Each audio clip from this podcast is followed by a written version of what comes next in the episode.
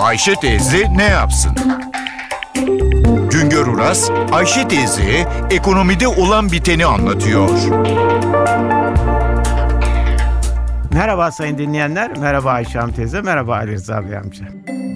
Yaz aylarında tatile gidenlerin balık talebi artar. Geliniz görünüz ki yaz aylarında balık avı yasağı var. Troll ve gırgır ağlarıyla avcılık yapan balıkçılar için 15 Nisan'da genel av yasağı başladı. Av yasağı 1 Eylül'de sona erecek. 15 Nisan'dan itibaren balıkçılar kara suları bitişiğindeki uluslararası sularda balık avlayabiliyorlar. Yasak döneminde olta ile balık avlamaya 10 metreden küçük teknelerin ağ atmasına izin veriliyor.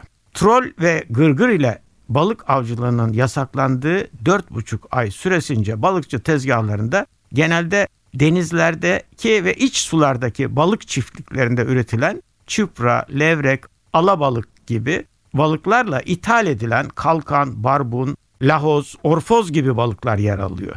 2013-2014 av sezonunda denizlerden elde edilen ürünlerin önemli bir bölümünü hamsi, palamut, istavrit ve çaça gibi göçmen balık türleri oluşturmuştu. Üretim ile ilgili en son rakamlar 2012 yılına ait. O yıl denizlerden 315 bin ton balık yakalandı. Yakalanan balığın yarısı yaklaşık 160 bin tonu hamsi. Yakalanan hamsinin yarısını da balık yemi fabrikalarında kullanıyoruz. Kalıyor halkın tüketimine 230 bin ton balık. Eğer denizlerdeki ve iç sulardaki balık çiftliklerinin üretimi ve ithalat olmasa yiyecek balık bulamayacağız. Çünkü 220 bin ton balık deniz çiftliklerinden 40 bin ton balık iç sulardaki çiftliklerden geliyor da halkımız balık yiyebiliyor. Türkiye'de kişi başı su ürünleri tüketimi 2002 yılında 6 kilo dolayındaydı. 2012 yılında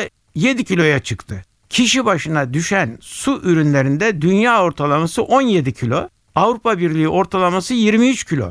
Evet halkımızın balık yeme alışkanlığı az ama halkımız balık yemeye kalksa üretim yetersiz. Üretimin yetersizliğine rağmen özellikle çiftlik balıklarında ihracat yapabiliyoruz. Deniz balıklarında ise ithalata yöneldik. 2013 yılında 190 milyon dolarlık balık ithal ettik. Buna karşılık çiftlik balıklarından 520 milyon dolarlık ihracat yaptık. Son verilere göre denizlerde avlanan balıkların yarısı hamsi, %11'i palamut, %9'u sardalya, %8'i istavrit, deniz lüferlerinin toplamdaki payı ise %3'ün altına düşmüş durumda.